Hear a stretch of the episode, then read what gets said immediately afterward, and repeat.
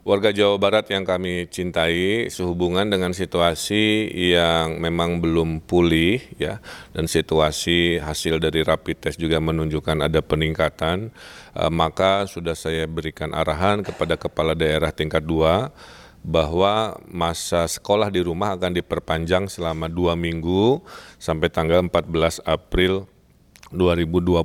Jadi kepada SD, SMP, SMA, SMK dan yang setara uh, diperpanjang selama dua minggu sampai 14 April. Uh, mohon tetap aktif ya, tetap mengikuti arahan-arahan dan tugas dari guru-guru yang menyelenggarakan kelas secara jarak jauh atau online. Saya kira itu uh, menjadi keputusan, mudah-mudahan bisa diikuti dengan baik.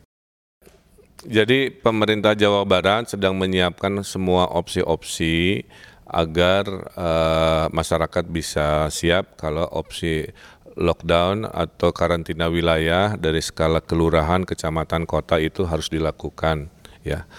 Nah, saya menghimbau masyarakat taat ya. Kemarin dalam video memang saya sedang inspeksi melakukan uh, kegiatan dan melihat memang respon terhadap uh, kerja di rumah social distancing belum dilakukan secara maksimal.